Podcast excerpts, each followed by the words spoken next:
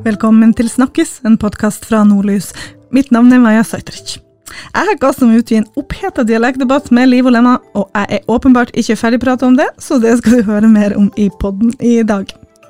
I tillegg, tromsøværingen Jens Edvin Skoghøy fratrer sin stilling som høyesterettsdommer med 3,6 millioner kroner i lån, etter en mildt sagt turbulent vinter.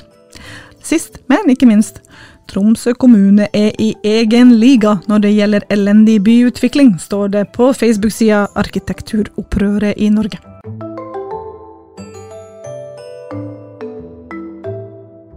Det er nesten så jeg har vippa borti en stein og åpna for et vepsebol som ingen visste om, sa Christian Borch da han mandag kveld møtte i Dagsnytt 18 på NRK.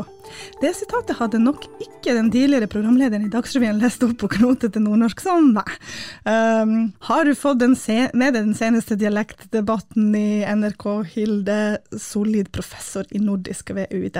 Ja, det har jeg. Jeg har uh, fått med meg i hvert fall deler av den. Jeg har ikke lest boka hans men eh, jeg har et eh, medieoppslag rundt det her. Ja. En spennende debatt. Ikke sant. Du er jo med oss på telefon fordi du er jo travel i å undervise på Universitetet i Tromsø om bl.a. talemål, så dette er jo liksom rett i din gate. Eh, men som du nevner, den tidligere programlederen i Dagsrevyen har skrevet memoarer om sin tid i journalistikken. Og boka inneholder fortellinger fra en mannsalder i journalistikken, men det er Borchs fortvilelse over det han kaller for dialektarrogansen i NRK som har fått mest oppmerksomhet. Borch mener nemlig at dialektene har tatt overhånd i Dagsrevyen, og nå er det rett og slett et kaos. Han etterlyser normert talespråk i NRK, og går hardt ut mot bl.a. NRKs USA-korrespondent Lars Os, som snakker sin egen dialekt fra Østerdalen. Borch beskriver det som et narsistisk narsissistisk egotripp. Og det har ført til ganske heftig debatt, og den debatten har jeg jo um, deltatt i med liv og lyst. Og jeg må si at jeg slettes ikke sparte på kruttet sjøl i min kommentar. Er denne voldsomme debattrangen rundt dialekter et særnorsk fenomen, Hilde? Vi er veldig opptatt av å diskutere språk og dialekter i Norge. Og Jeg skal ikke si at det er ingen andre som gjør det samme som oss, men, men eh, dialektene har en helt uh, egen status i, i, Norge. Vi er opptatt av dem, de syns det er viktig, det er en verdi for oss. Det blir ofte dialekter som blir tema rundt middagsbord og gjerne i mediedebatter også. Så ja, vi er rett og slett opptatt av dialekter. Ja, ikke sant. Jeg har jo fått så mange spørsmål om hvor dialekten min kommer fra. Eh, fordi folk skjønner jo egentlig ikke. Det er nå litt sånn her, Jeg er jo vokst opp litt i Finnmark, og så er jeg samboer fra Vesterålen, og norsk er jo ikke førstespråket mitt. Eh, og da eh, liksom er jeg litt tilgitt for å knote, men fortsatt så er det sånn at i Norge så er det jo ikke bare rett frem og stotre rundt på de diverse forskjellige dialekter i en og samme samtale. Hvis vi trekker litt linje i i de her debattene, så handler det jo ofte om at eh, vi er veldig opptatt av at vi skal bevare dialektene. I det så ligger det at vi ønsker å snakke dialektene i de fleste sammenhenger som vi kan tenke oss. Eh, noen som beskriver Norge som et dialektparadis, men Samtidig så er det andre igjen som sier at ja, det er et dialektparadis, men det har et janusansikt. Altså det er noen eh, andre sider ved dialektparadiset som nettopp handler om at vi f.eks. er opptatt opptatt av at eh, man skal holde på dialekten, og vi vil gjerne høre på dialekten for å finne ut hvor folk kommer ifra. Det er nesten som heimfeste dialekter, som man kan kalle det for. Samtidig så er jo selvfølgelig eh, det norske dialektparadiset med sitt janusansikt også i endring. Og jeg tror kanskje at den debatten som kommer med eh, i kjølvannet av den boka og debatten i Dagsnytt 18, at peker på noen endringer som har skjedd. Alle sammen har jo selvfølgelig hørt historier om folk som flytta nordfra, sørover og måtte slå om fordi de ikke fikk jobb eller fikk bo, eller altså Det har vært sånn direkte diskriminering på bakgrunn av dialektbruk.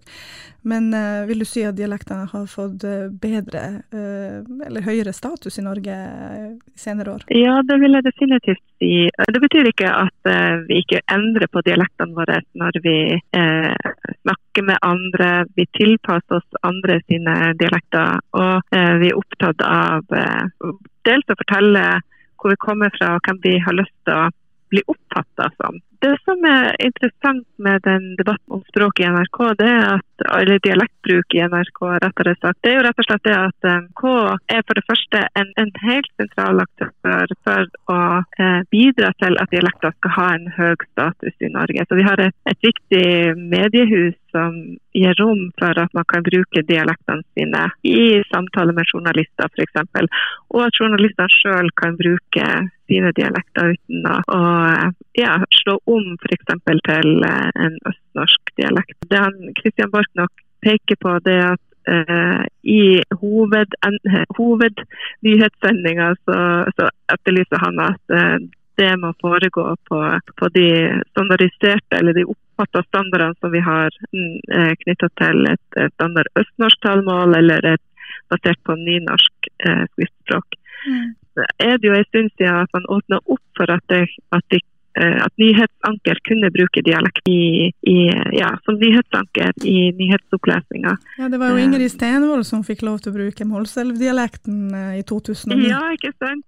Ja, ikke sant. Og det er jo helt fantastisk. Eh, det, jeg syns jo det er veldig interessant. Det, det, ligger jo veldig mm. nært for folk, ikke sant. Det knyttes jo veldig mye til hvem man er, også som journalist. Altså, jeg ser jo for meg sjøl når jeg ofte er i debatter, så er det jo en verdi i en nordnorsk dialekt, men eh, oppfattes som mer direkte i talen. Man, vi knytter jo veldig mye karakteristikker til eh, dialekter. Eh, og det har jo da også Christian Borch sagt om Lars Os sin dialekt, som er fra Østerdalen. At det er jo sånn, det er som grus i maskineriet. Altså, er, er, handler det om øret som hører? Ja, det kan det jo gjøre.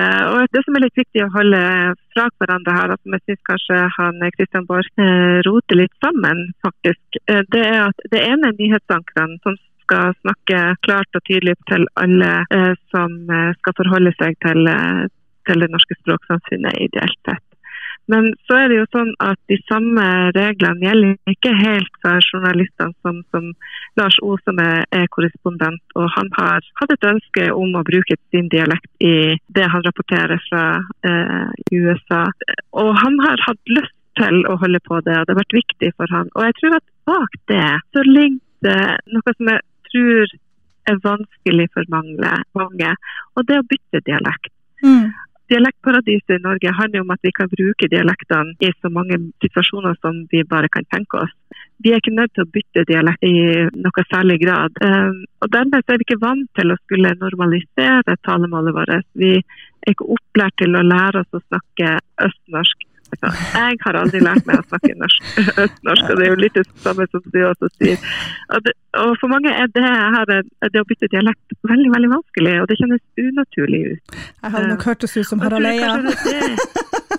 Ja, ikke sant. ikke sant. Det blir mer som parodi. Og vi vil jo framstå som seriøse og ordentlige og snakke fritt og naturlig, eh, mm. sånn som vi opplever det sjøl. Og så har jeg jo en sånt litt sånn kjepphest. Som jeg sa, så er jeg jo eh, ikke jeg, Norsk er ikke førstespråket mitt. Eh, jeg har eh, Jeg faller vel kanskje inn under den innvandrerkategorien. Og det, veldig ofte så dyttes jo innvandrere foran i sånne saker, og så sier man hvis, hvis innvandrere skal forstå det som blir sagt på nyhetssendingen, så må det nå være en sånn normert østnorsk type mål. Men så bor vi jo i hele landet. så har det også sånn at vi påvirker dialekter? Vi snakker det nye språket på den måten som vi nå gjør, og vi utvikler oss som, som språkbrukere. Eh, men i den prosessen her så kan vi jo gjerne dele av det språklige godset som vi har med oss. og det, det, det ser vi jo mange mange eh, eksempler på. Så Det er jo, det er jo helt riktig som du sier, at det er jo ikke sikkert at eh, alle som oppfatter den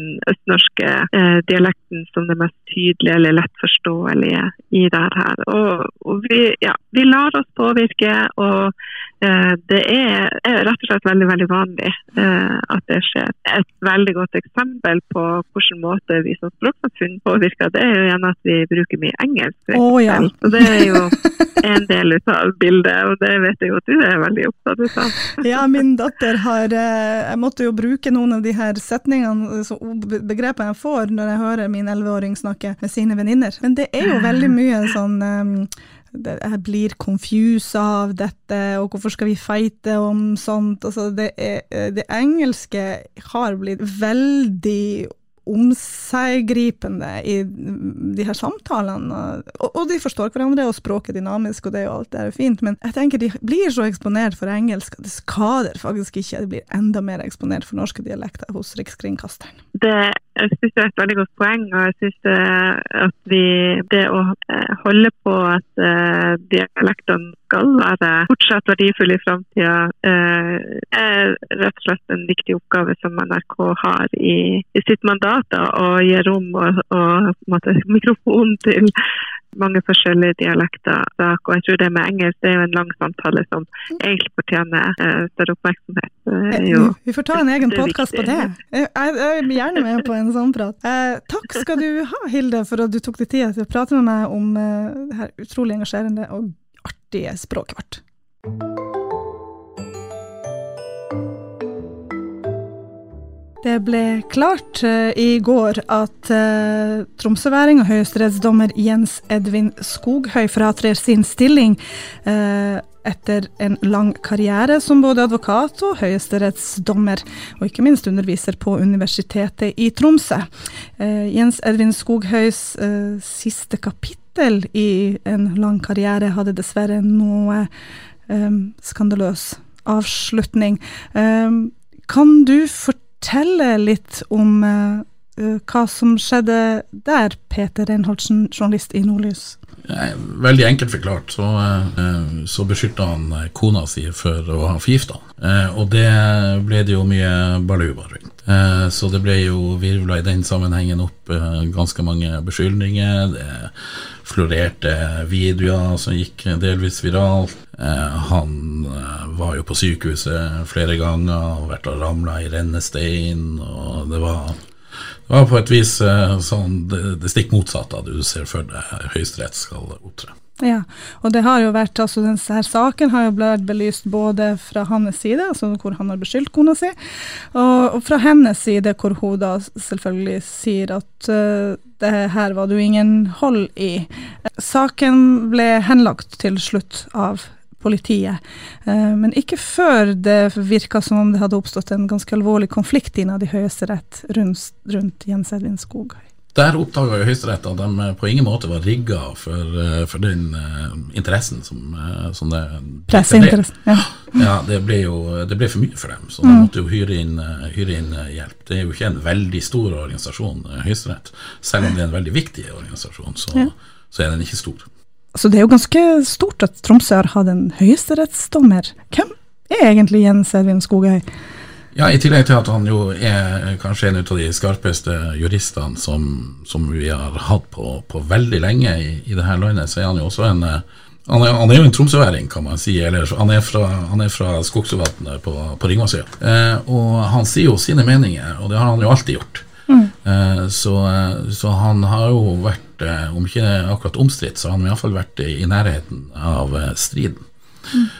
Og, og, som jurist så har han jo gjort seg kanskje mest bekjent, eller kjent da, med de dissensene som han har hatt i Høyesterett. Ja, i Høyesterett. Og, og de dissensene har har vært veldig viktig. Eh, og mm. de har jo senere vist seg å være rett også. Mm. Altså både viktig, men også riktig. Mm. Har du noen eksempler? Ja, Det kanskje mest eh, kjente eksempelet der hvor han talte overmål eh, mot eh, bare øvrige kvinnelige dommere. Gikk imot og stilte dissens i forbindelse med at eh, det var ei ung dame på 16 år som ble dopa ned med heroin og gjengvoldtatt.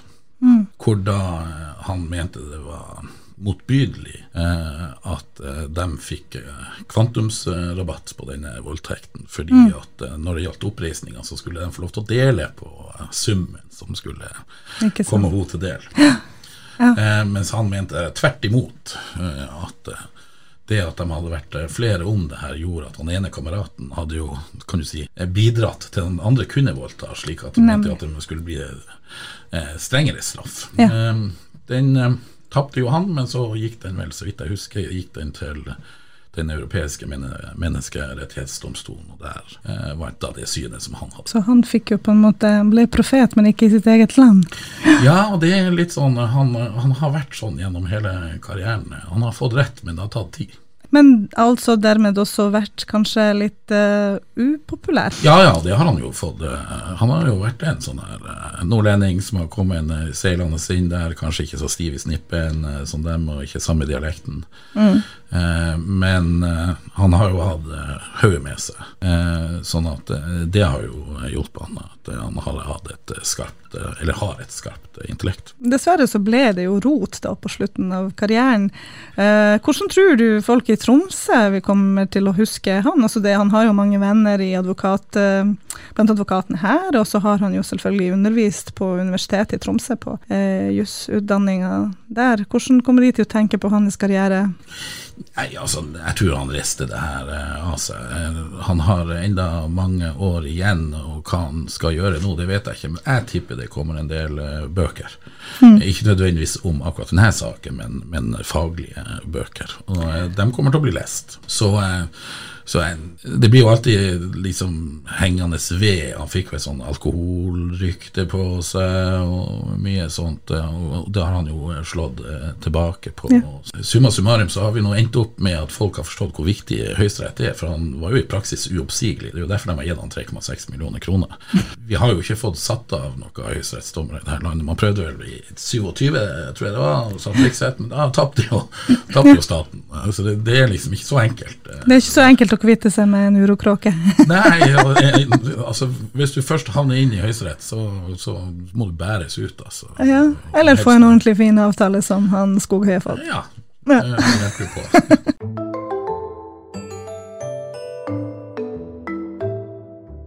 er ingenting som engasjerer mer enn nye bygg, i, særlig i Tromsø, men også andre plasser i verden. Og nå har jo da modernistisk arkitektur fått gjennomgå i flere år i eh, Arkitekturopprøret i Norge, som er en Facebook-side.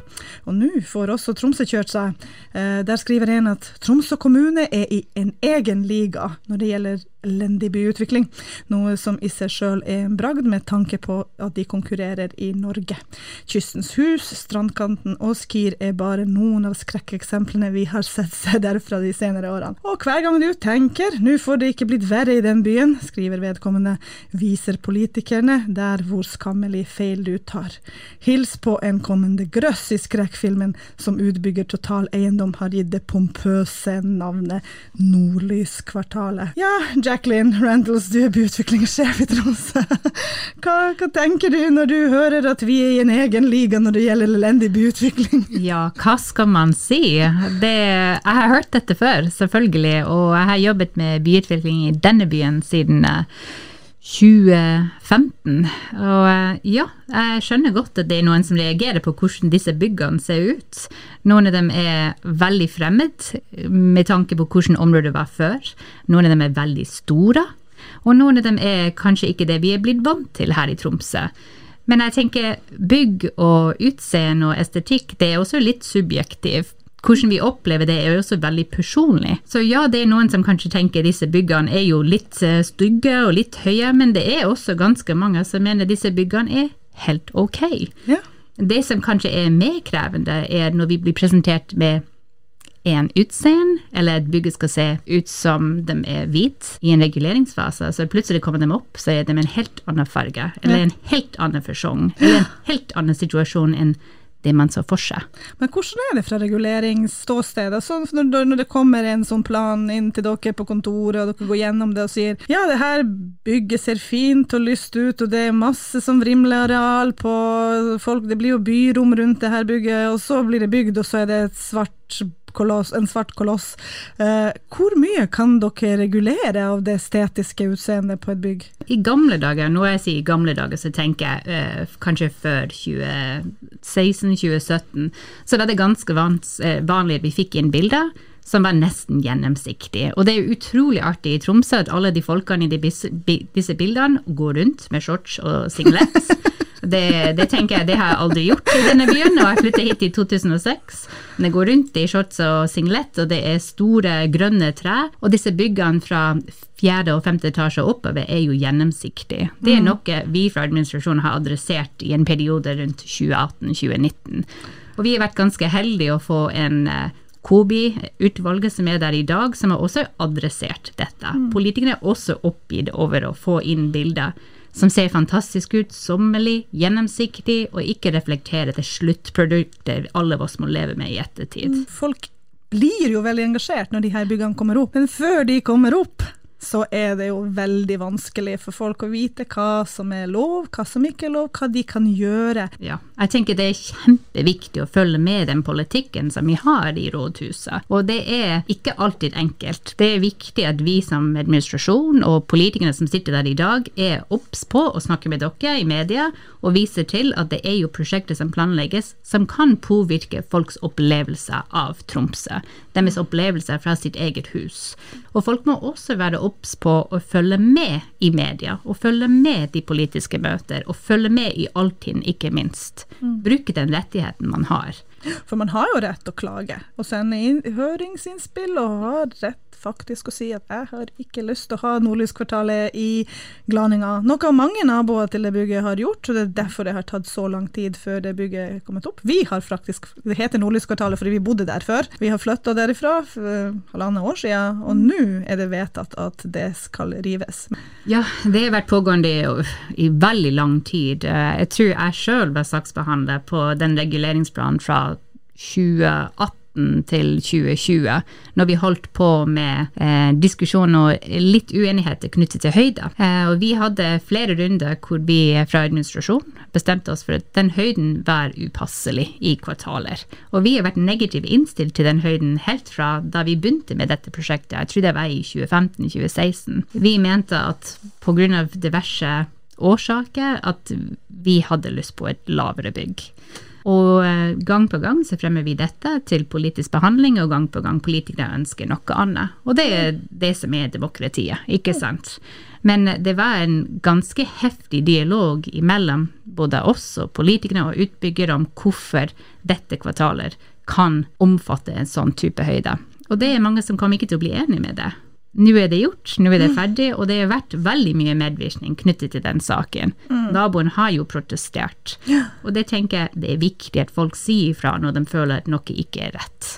Som nå også debatteres veldig mye, er det nye provisoriet, eller det, nye provisoriet, det bygget som skal erstatte provisoriet til Rådstua teater, mm. eh, som er jo et gammelt bygg fra 1800-tallet, som har et sånn falleferdig fjøs bak seg fra 80-tallet, og det, de ønsker å ha et nytt uh, nytt bygg der, da. Sånn ja. for å holde forestillinger og drive på med kunst, og det er kjempefint. Um, det er jo uh, Fasaden der er mørk og litt sånn rar, men jeg har lyst til å snakke om noe annet. Uh, det, jeg vet, men det had, det, de, de skal grønne taket. Og det ja. syns jeg er jo så kult, for da får du en sånn forbindelse med det lille parkområdet bak.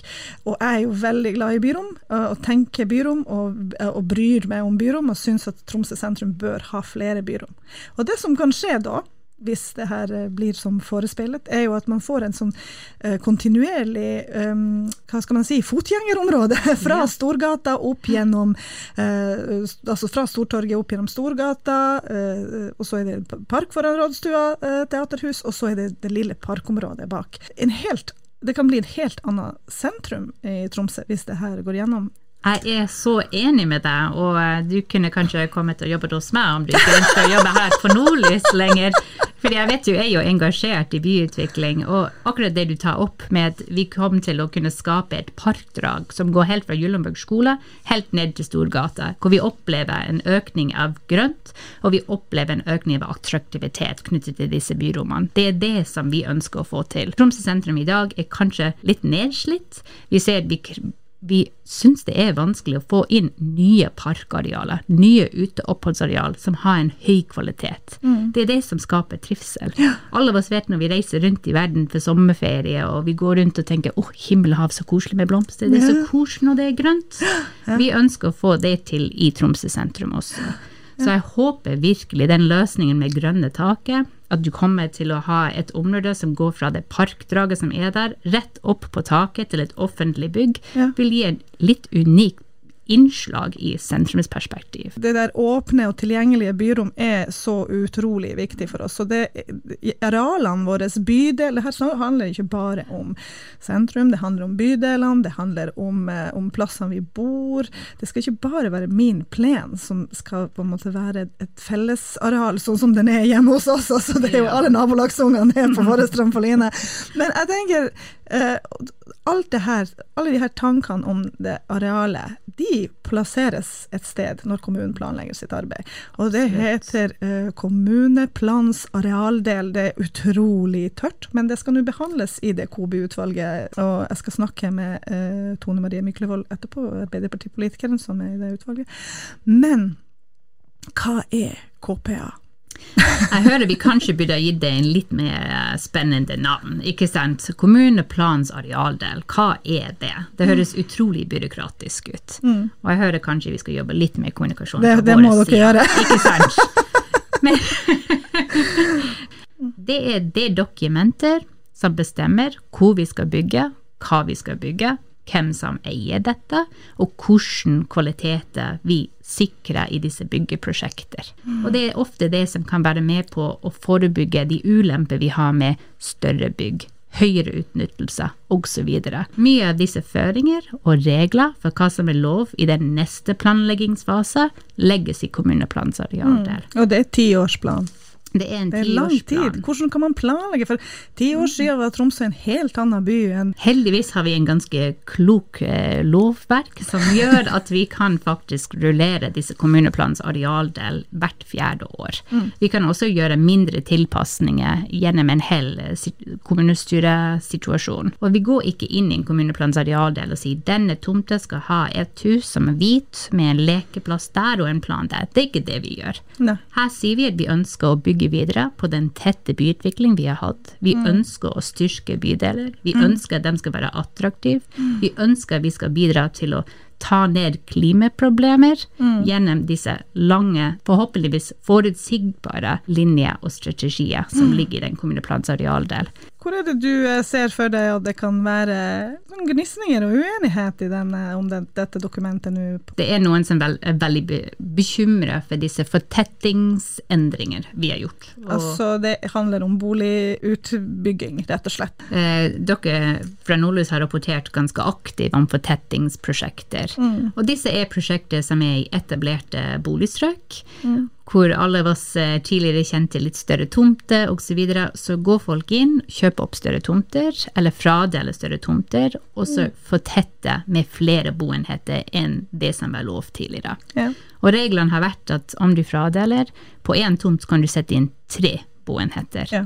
Og det har vært veldig mange gode prosjekter, men mm. samtidig det har vært veldig mange prosjekter som utfordrer dagens infrastruktur. Hvor skal vi sette snø når vi plutselig går fra å ha én bolig på 900 kvadratmeter, så plutselig har vi seks boliger. For nabokrangler i Tromsø handler ikke nødvendigvis om hekken, de handler om at naboen bruker eh, plenen din som snødeponi. Ikke sant.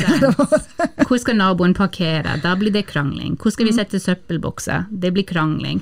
Vi må huske at vi er en veldig tett by fra før av. Vi må gjøre noe med hvor vi skal være, oppholde oss, hvor vi skal sette ut søpla, hvor vi skal kjøre. Og den infrastrukturen er gammel. Tromsø er en gammel by. Utvikling handler faktisk om folks hverdagsliv. Det er ikke bare forskrifter. Egentlig byutvikling handler om hvordan du skal komme deg fra huset med ungen din til barnehagen. Hvordan skal du oppleve den veien på vei til skolen. Hvordan skal du kunne vaske hender? Det handler om alt du gjør i en hverdag. Og om vi ikke har god kontroll på hvordan vi gjør dette, så vil du oppleve en helt annen situasjon enn det du har i dag. Og så handler det også om at vi skal forvente å ha en vakker by. Vi skal ha en vakker by. Tidligere i dette programmet så hadde vi byutviklingssjefen Jackie Randalls i stolen på podden. Eh, og nå er det jo eh, har byråkratiet blitt etterfulgt av politikken. Nå har vi Tone Marie Myklevold fra Arbeiderpartiet. Kan du gi meg tre konkrete eksempler på hvordan en KPA påvirker en tromsøborgers liv? Eh, Ja. Meget konkret. Ja, eh, et veldig sånn eh, Altså et stort tema er jo bolig. Hvor vi skal få lov til å bygge bolig, og hvor vi ikke skal få lov å bygge bolig. Eh, andre ting kan jo være mer sånn offentlig infrastruktur, skoler, kommunale boliger, veier. Hvor skal det være, hvor skal det ikke være? Og, et veldig sånn tema i tida er jo natur og miljøinngrep, eh, altså inngrep i naturen. Så det er altså det, vi, vi tenker jo, eller vi er jo geografisk en utrolig stor kommune med mye areal. Allikevel så opplever vi jo arealkonflikter. Eh, og det kommer det til å bli bare mer og mer av i fremtida. Fordi eh, vi kan ikke fortsette å bygge ned så mye natur som vi har gjort. Og så er det jo da at eh, aldri kommer det en KPA eh, uten stor politisk diskusjon og engasjement. Eh, hva slags tilbakemeldinger har dere fått? Vi, det er jo øh, veldig mye, hele spekteret, holdt jeg på å si. Samtidig så opplever jeg mindre tilbakemeldinger enn jeg hadde trodd opprinnelig. Men det er klart at det, det her er en prosess som pågår over år, som vi har jo allerede gjennom hele den perioden vi har sittet, fått mange innspill. eh, Så noe har jo gitt fortløpende. Noe kommer nå, og nå skal vi jo legge den ut på høring, og da kommer det masse, eh, enda flere innspill. Så det er mange medvirkningspunkter i løpet av, av hele denne prosessen. Ganske mye av innspillene jo i, eh, er jo fra folk og firma som har tomter. tomter. Som administrasjonen har eh, vendt tommelen ned for boligbygging. Ja. Eh, som de ønsker å få lov å åpne opp for boligbygging. Ja, jeg vet at Næringsforeningen i Tromsø-regionen i går sendte en e-post til flere medlemmer av uh, utvalget, hvor de mente at det dokumentet bør sendes tilbake til administrasjonen fordi den er altfor restriktivt. Fordi uh, når det gjelder boligutbygging, kommer dere til å sende det tilbake til administrasjonen? Altså, vi holder på å behandle alle innspillene vi har fått, og ikke tatt stilling til alt. Men jeg tror ikke at løsninga nå er å sende saken tilbake til administrasjonen. Jeg skjønner hva Næringsforeninga sier. Det er litt deres jobb å si at uh, man alltid vil åpne opp mer arealer for boligbygging. Jeg skulle jo egentlig tro og håpe at de også hadde vært mer opptatt av andre typer næringsarealer, ikke bare den type næring som går ut på å utvikle reguleringsplaner. De har, de har egentlig kun fokus på det. Uh, så det kan jo kanskje bety at vi har satt av tilstrekkelige og riktige næringsarealer til all annen type næring vi driver med i denne kommunen, så det er jo positivt. Eh, men eh, vår jobb som politikere det er jo å prøve å balansere og vekte alle disse hensynene. Det som næringsforeninger vil, og andre som har utbyggingsinteresser. Eh, det, det er ingen, i hvert fall til nå, som roper på vegne av naturen. Naturinngrep, det er et hensyn vi må ta.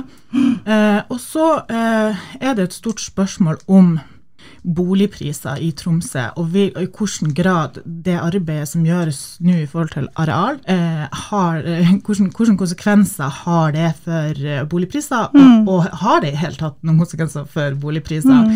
Eh, så de som har lyst til å bygge ned mye eh, plasser der det ikke er boliger i dag, de eh, argumenterer med at eh, da blir det billigere eh, å bo i Tromsø. Veldig ofte argumenterer de med det. Det er jo Eh, ofte altså opposisjonen, da. Ja. eh, Høyre i Tromsø. Ja. Ja. Eh, mens jeg tror ikke det er så enkelt eh, som det. Eh, grunnen til at, og det har jo vi også en bestilling vi har gitt inn i det innledende arbeidet til KPA-en, er jo å prøve å se på hva er det som er kostnadsdriverne i boligmarkedet i Tromsø. Og Administrasjonen har jo gått ganske dypt inn i det her, og da må man jo se på både hvor mye folk bor det her i dag, hvor mye folk forventer vi i framtida, og hvor mange boliger tilsvarer det at vi da trenger. Og, eh, og det vi f.eks. vet, eh, det er jo Altså, boligmarkedet går jo opp og ned, og hvis det, det kommer for mye boliger på markedet, så kunne man jo kanskje tenke seg at prisene gikk ned. altså Hvis det ikke var et knapphetsgode, eller hva man skal si. Men det vi ofte ser, er jo at da setter utbyggerne seg på gjerdet og bygger ikke. Fordi de har ikke lyst til å bygge hvis de ikke kan tjene mest mulig på det. Um, så vi uh, kan ikke historisk eller på noen måte se en, en uh, nødvendig absolutt sammenheng mellom det. Så det er klart at på et eller annet nivå henger det jo sammen tilbud og etterspørsel hva du har. Det er jo det er et dokument som du jobber lenge med. Eh, Eh, Hva ser du for deg det kan bety for Tromsø om eh, ti år? Vi har opplevd en veldig sterk befolkningsvekst over veldig mange år i Tromsø. Og det har jo medført at vi har eh, um, Og samtidig så har vi, som vi har vokst veldig mye, så har vi ikke vokst utover. Vi har i stor grad vokst innover og fortetta. Um, og det har gått fryktelig fort, uh, og egentlig litt fortere enn vi har klart å planlegge sånn overordna godt nok i bydelene. Um, og vi har fått bydeler som er større enn veldig mange kommuner i Nord-Norge. Eh, og hvis man går og ser hva som er tilbudet i en vanlig nordnorsk kommune, og så går og ser hva som er tilbudet i mange av bydelene våre, så henger ikke det helt på grep. Altså Vi har store mangler i mange av bydelene. Så det nå fremover så er det forventa en lavere Altså vi skal fortsatt øke eh, og bli større i Tromsø, men ikke så eksplosivt eh, raskt som det vi har gjort. Og da kanskje det man ønsker litt her, er jo da å benytte den anledninga til å gjøre en del bydeler bedre og mer solid på en mer sånn overordna, planmessig, strukturert måte. Og da har jo administrasjonen prioritert og pekt ut noen bydeler, Som? som f.eks. Kroken, eh, som man skal prioritere og se på i et sånn større blikk enn bare én og én reguleringsplan og masse, og liksom der man bare har hatt fokus. Vi må forte oss å bygge masse boliger, for det er det vi trenger. Vi trenger veldig mye mer enn boliger. Og det her fokuset på f.eks. det som vi kaller for sosial bærekraft, har fått en mye sterkere dimensjon. Og det handler jo om f.eks. at det er veldig mange i hele Norge som bor alene, men i Tromsø er det spesielt mange. Og det med- påvirker jo all livskvalitet. Det har utrolig mye å si, og da må vi eh, tenker på hvordan kan vi bygge, for det er jo det som er så utrolig spennende med byutvikling, at det handler jo egentlig om alt. Ja. Hele livet vårt. Alt, alt rundt oss. Ingen, no pressure, Tone.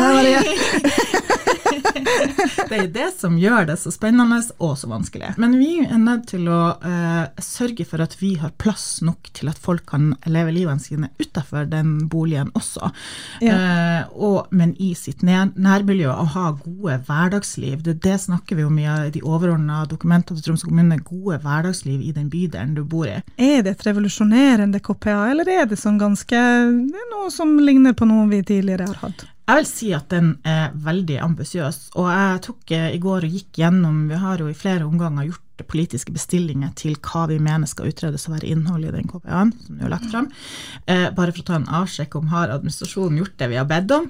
Og det er veldig sånn check, check, check. De har faktisk eh, løst veldig mye, og vi hadde veldig store ambisjoner. Og, eh, og vi gjør veldig mye bra f.eks. når det gjelder boligbygging i ytre distrikter. Så gjør man store endringer som vil gjøre det forhåpentligvis enklere og billigere å bygge ut i distriktene. Det er jo veldig Um, og så eh, ettertraktet. Distriktene rundt Tromsø har jo tross alt følt seg litt tilsidesatt og glemt. Ja, de har ikke alltid vært eh, helt eh, fornøyd, så der mener jeg vi gjør veldig gode grep. Vi har en klimakrise og en naturkrise, og det bærer denne KPA-en eh, veldig preg av.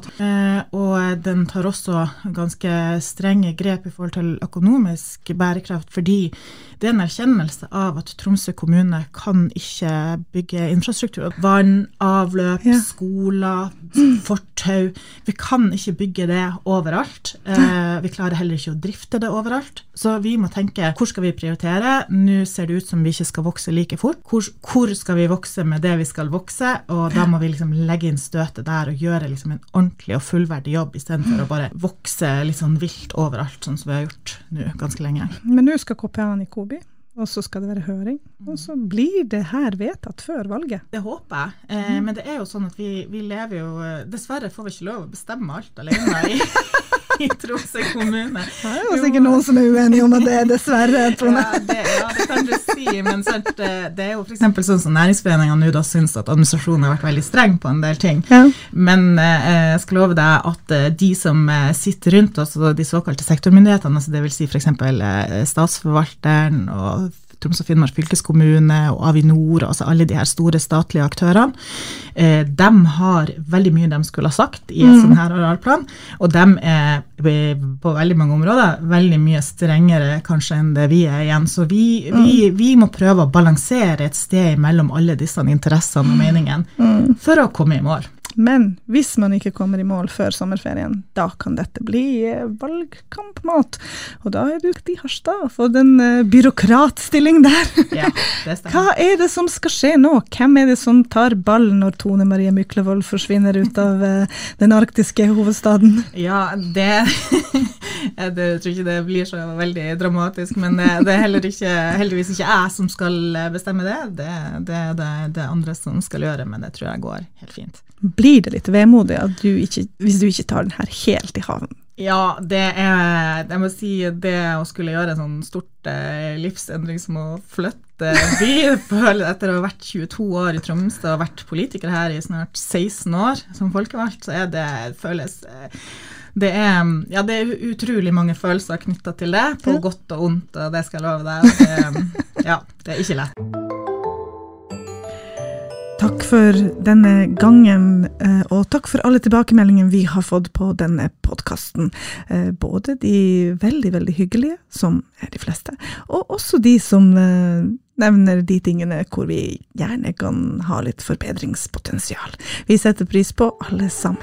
Og så håper vi at dere kommer tilbake og lytter neste uke. Ha det.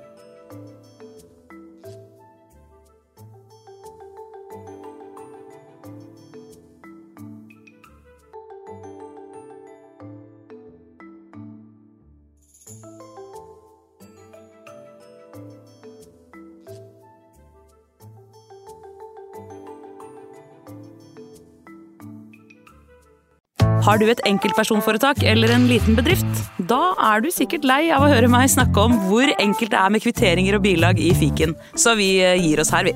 Fordi vi liker enkelt. Fiken superenkelt regnskap.